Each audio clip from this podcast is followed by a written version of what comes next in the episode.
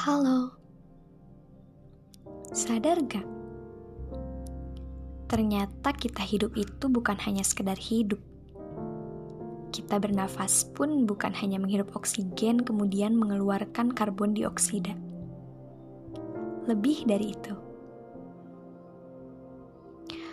Tuhan menitipkan bumi pada kita, manusia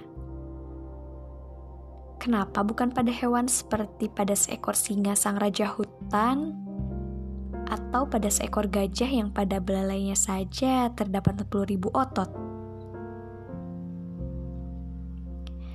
Ya, mungkin hewan-hewan memiliki kekuatan lebih dahsyat daripada yang dimiliki manusia. Sudah barang pasti jawabannya karena manusia memiliki sesuatu yang tidak dimiliki oleh makhluk Tuhan yang lain, yaitu akal. Dengan akal tersebut, manusia dipercaya oleh Tuhan dapat menjadi pelindung bumi, bukan hanya menjadi penghuninya semata. Manusia diharapkan dapat menjaga keseimbangan buminya dengan memanfaatkan fasilitas yang telah diberikan tanpa rakus.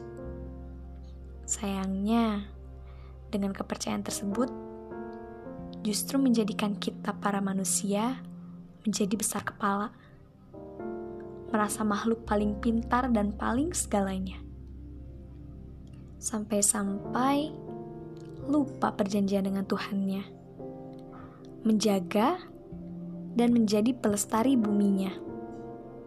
Kenapa ya? Kenapa kita menjadi lupa bahwa kita manusia? Apa harus selalu Tuhan yang mengingatkan dengan cara mendatangkan berbagai alarm seperti bencana, penyakit, atau yang paling sederhananya kesedihan, supaya kita sadar siapa sih kita, terus kenapa kita diturunkan ke bumi? Mari kita sama-sama mulai berpikir.